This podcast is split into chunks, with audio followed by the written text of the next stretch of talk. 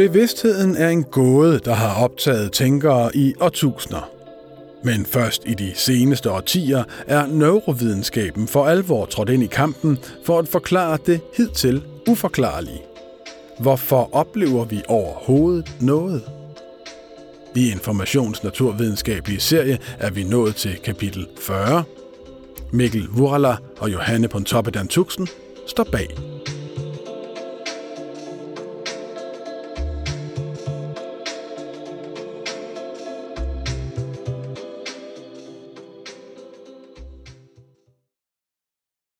Verden er rig og fuld af indtryk. Og en almindelig, snusfornuftig måde at forklare vores oplevelse af det hele på, er, at verden simpelthen strømmer ind via sanserne. Dufte, lyde, smage, følelser, billeder. Gennem øjnene vælger et utroligt panorama af farver, former, overflader og bevægelser ind i knolden på os – hvor komplicerede hjerneprocesser så sørger for at åbenbare den ydre virkelighed for vores indre jeg, som så kan reflektere over omverdenen og handle på den. Man kunne tro, at det også er det, der sker for professor Anil Seth, der fra sit kontor i Sydengland beskriver sin umiddelbare visuelle oplevelse af omgivelserne, mens han over telefonen begynder at forklare om bevidstheden. Lige nu kan jeg se en blå bil, der er ved at parkere, siger han, og fortsætter. Og jeg kunne let få den tanke, at en blå bil i verden bliver til en blå bil i hjernen. Selvom Anil Seth er hjerneforsker og leder af et tværvidenskabeligt center for bevidsthedsforskning ved Universitetet i Sussex, skal han nærmest dagligt minde sig selv om, at denne almindelige fortolkning, ifølge alt hvad han ved om hjerneprocesser, er forkert. Vores oplevelser dannes ikke ved, at virkeligheden strømmer ind udefra og samles inden i, men komplet omvendt. Det går indefra og ud.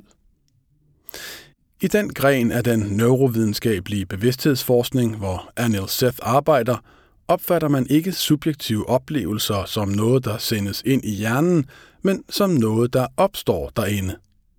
Oplevelser kommer altså mest af alt indefra – og bevidstheden dannes, så at sige, oppefra og ned. Grundlæggende handler det om at anskue bevidstheden som en avanceret biologisk forudsigelsesmaskine. Og i dette system er sansernes formål at korrigere eventuelle fejl i de konstant opdaterede forudsigelser. Og det gælder ikke bare sanserne, men hele bevidstheden, inklusiv oplevelsen af at være et selv og at have en vilje. Det kan virke som lidt af en mundfuld, når man på en almindelig gråværsdag glor på en blå bil, der parkerer, men så kan man glæde sig over, at selvom verden med dette syn på bevidstheden bliver vendt helt på hovedet, så er oplevelsen af at være et menneske stadig den samme. Det er samme skisma, som filosofen Ludwig Wittgenstein engang vendte i dialog med filosofen Elizabeth Anscombe og som Anil Seth selv refererer i sin bog om bevidsthed, Being You. Hvorfor siger folk, at det var naturligt at tro, at solen kredsede rundt om jorden, i stedet for at tro, at jorden drejede om sin akse, spurgte Wittgenstein. Jeg vil tro, det var, fordi det så ud som om, at solen kredsede om jorden, svarede Anscombe. Men hvordan ville det så have set ud, hvis det skulle se ud, som om jorden drejede om sin akse, lød det fra Wittgenstein. Underteksten i denne herlige dialog er selvfølgelig, at verden ikke altid er, som den lader til at være, men at kæmpe store forandringer i forståelsen af verden ikke nødvendigvis ændrer vores umiddelbare oplevelse. Hvis vores bevidsthed ikke dannes nedefra ved at sammensætte en masse indtryk, men primært dannes oppefra og inde fra hjernens mørke, tavse kammer i kraniekassen, så er oplevelsen af en bil, der parkerer, altså stadig den samme. Det lyder forvirrende, og det er det egentlig også. Du kan lige så godt vende dig til det, for nu skal det handle om det kæmpe store mysterium, som vores individuelle oplevelser udgør, nemlig bevidsthedens gåde. Bevidstheden har været et ganske ombejlet begreb i videnskabens historie, men har i høj grad været filosofernes domæne. Oplysningsfilosofen René Descartes satte et stort aftryk, da han i 1641 nåede frem til, at der sammen med den fysiske og målbare materielle verden, res extensa, måtte eksistere en tænkningens verden, res cogitans, der ikke havde nogen rummelig udstrækning. Descartes kunne ikke forestille sig, at komplekse fænomener som menneskets sprog og reflekterede beslutninger kunne forklares med nogen fysisk mekanisme, og derfor blåstemplede han den tusindårige idé om dualisme. Men sådan ser man ikke på sagen i dag. Allerede i 1800-tallet nåede den tyske læge og fysiker Hermann von Helmholtz frem til, at der i hjernen måtte foregå en hel del ubevidste processer, og at det nok var lidt af en blindgyde at spalte de bevidste processer ud som noget særligt ikke-fysisk, der lå ved siden af resten. Siden midten af det 20. århundrede har dualismen været henvist til hverdagens intuition og til den åndelige forestillingsverden, mens man i videnskaben altså regner med, at bevidstheden har et materialistisk, fysisk udgangspunkt i hjernens neuroner. Man aner bare ikke, hvordan det virker. Og i mange år blev bevidsthedsforskning anset som en lidt eksotisk og umulig sidegren, som man ikke skulle kaste sig over, hvis man ville arbejde med hjerneforskning. I 1989 opsummerede den anerkendte britiske psykolog Stuart Sutherland bevidsthedsforskningen sådan her. Bevidsthed er et fascinerende, men flygtigt fænomen. Det er umuligt at specificere, hvad det er, hvad det gør, eller hvorfor det har udviklet sig. Intet, som at være at læse, er blevet skrevet om det. Citat slut. Men det har ændret sig. I hvert fald er der blevet skrevet rigtig, rigtig meget om emnet siden da. Mere end 16.000 videnskabelige artikler med ordet bevidsthed i overskriften lyder en optælling fra 2020. En af de personer, der var stærkt medvirkende til at bringe bevidstheden ind i det neurovidenskabelige spotlys de seneste 30 år, var en gut, der hed Francis Crick. Han er mest af alt kendt for at være en del af holdet, der afdækkede DNA's molekylære struktur, og som fik Nobelprisen i medicin i 1962. Men som 60-årig skiftede han fagfelt fra molekylærbiologien til neurovidenskaben og proklamerede, at der skulle en ny tilgang til for at forstå bevidstheden. Ideen var at finde, citat, bevidsthedens neurale korrelater citat slut, hvilket lyder cirka lige så svært som det er. Derfor talte han for at lave afgrænsede eksperimenter, hvor man kunne afprøve hypoteser og måske derigennem bygge en slags stillads, som med tiden kunne bære bredere og mere raffinerede modeller. Han begyndte med at undersøge visuelle oplevelser, og hans prognose lød, at man ved hårdt og vedholdende arbejde måske kunne nå en forståelse af bevidsthed i løbet af det 21. århundrede. Det betyder, at der fortsat er noget tid at løbe på, og det er der også brug for. For ligesom med den øvrige hjerneforskning, arbejder man med flere parallelle teorier, der sjældent bliver testet mod hinanden, og ingen kan fremvise et dækkende svar på alt. Det er et åbent spørgsmål, om videnskaben nogensinde vil finde et tilfredsstillende svar på, hvad bevidsthed egentlig er. Den australske filosof David Chalmers opdelte i 1995 bevidsthedsforskningens problemer i to kategorier. De lette problemer, som at forstå og forklare den fysiske basis for fænomener som opmærksomhed, kontrol, kategorisering osv.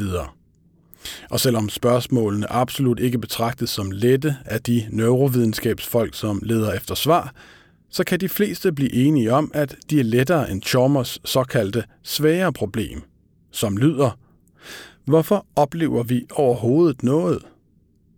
For selvom der er enighed om, at oplevelsen opstår i en fysisk hjerne, findes der ingen forklaring på, hvorfor fysiske processer fører til et rigt indre liv.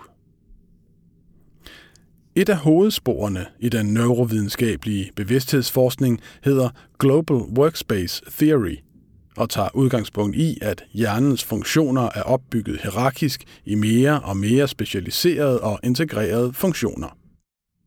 Når den danske forsker Morten Kringelbak, som er fellow ved Oxford Universitet og professor i Aarhus, skal forklare det, tager han udgangspunkt i synet. Ødelægger man hjernens visuelle cortex, altså den del, hvor signaler fra øjnene kommer ind, så bliver man blind. Men man har stadig en bevidsthed, forklarer han.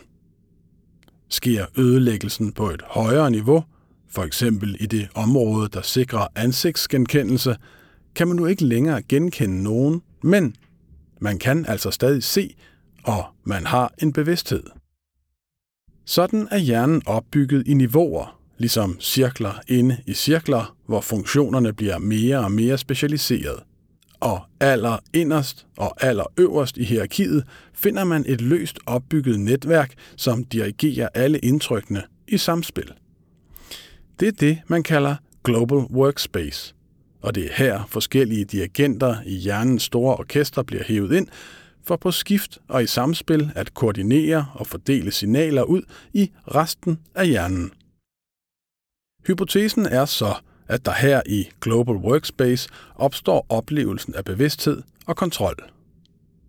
Når man i hjernescanninger følger forsøgspersoners hjerneaktivitet gennem søvnens forskellige faser, kan man se, hvordan forskellige dirigenter falder hen eller bliver aktiveret, alt efter hvor dybt man er i søvnen. Man kan også se, hvordan hierarkierne kollapser og andre forbindelser dannes, når forsøgspersoner tager psykedeliske stoffer. Og man kan forsøge at påvirke de netværk, der er forbundet til grundlæggende følelser som smerte og begær, ved at manipulere dem i rotter. Den slags forskning kan hjælpe os til at forstå, hvordan bevidsthedens mekanismer tager sig ud, og hvad der fysisk sker, når et menneske for eksempel har det godt eller har det dårligt, og måske giver os mulighed for at hjælpe folk. Det er årsagen til, at Morten Kringelbak er i den branche. For at producere viden om bevidstheden, så man eksempelvis kan hjælpe folk, der ikke er ved bevidsthed, tilbage igen. Men, som han siger, det løser ikke det svære problem ved bevidstheden. Hvorfor oplever vi overhovedet noget? Måske skal det svære problem ikke takles direkte, men indirekte.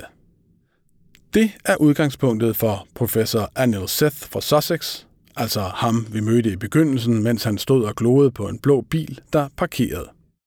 Ligesom videnskaben om livet ikke har nået sine fremskridt ved at finde frem til en særlig livsgnist, som man ellers forestillede sig måtte findes, men i stedet langsomt har eroderet behovet for livsgnisten ved at forklare de fysiske processer bag livet, kan man måske indkredse bevidsthedens gåde ved at løse relaterede problemer.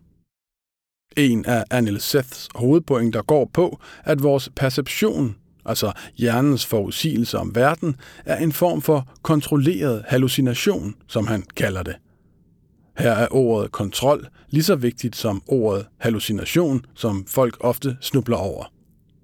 Hjernen simulerer omverdenen, men simulationen opdateres konstant og korrigeres, når eksempelvis sanseindtryk afviger fra forudsigelsen. Rene hallucinationer, som man for eksempel kan opleve i forbindelse med psykiske sygdomme eller indtag af psykedeliske stoffer, opstår, når kontrollen ryger. Her er perceptionen ikke lige med kontrolleret hallucination. Her er hallucinationen lige med ukontrolleret perception. Bevidsthed handler dog om langt mere end vores sanser. Det er også oplevelsen af at være et selv i alle facetter, fra det rent kropslige over det handlende og det sociale til vores større selvfortælling. Men også selvet er en del af den kontrollerede hallucination, og næppe det mest centrale for bevidsthed i bred forstand. Fundamentet er kroppens mest basale følelser og oplevelsen af at være levende, mener Anil Seth. Derfor må man regne med, at en lang række dyr også har bevidsthed. I hvert fald alle pattedyr, siger han. Med en hilsen til René Descartes kalder han mennesket for en beast machine, en slags biologisk maskine. Men hvor Descartes mente, at dyr var en slags kødrobotter uden bevidsthed, peger Seth på, at mennesket også er et dyr, og at vores bevidsthed udspringer af noget kropsligt. Vores bevidste hjerne er dybt sammenvævet med vores natur som levende væsener af kød og blod, siger han. Min påstand er, at alle disse mekanismer, fra følelser og sanser til selvved, alle sammen udspringer af et behov for at kunne regulere kroppen, siger han. For at reguleringen kan være effektiv, skal kroppen ikke bare reagere på forandringer, men kunne forudsige dem. Som når blodtrykket øges, inden man rejser sig, så blodet ikke løber ned i benene. I et evolutionært perspektiv er bevidsthed altså en måde, hvorpå en organisme kan få sin oplevelse af verdens tilstand og kroppens tilstand vævet sammen i en samlet oplevelse. Hvis det er tilfældet, bliver oplevelsen af at være et tænkende og handlende selv dog ikke spor anderledes. Sådan er det nogle gange med store erkendelser. Alt forandres, og alt forbliver det samme.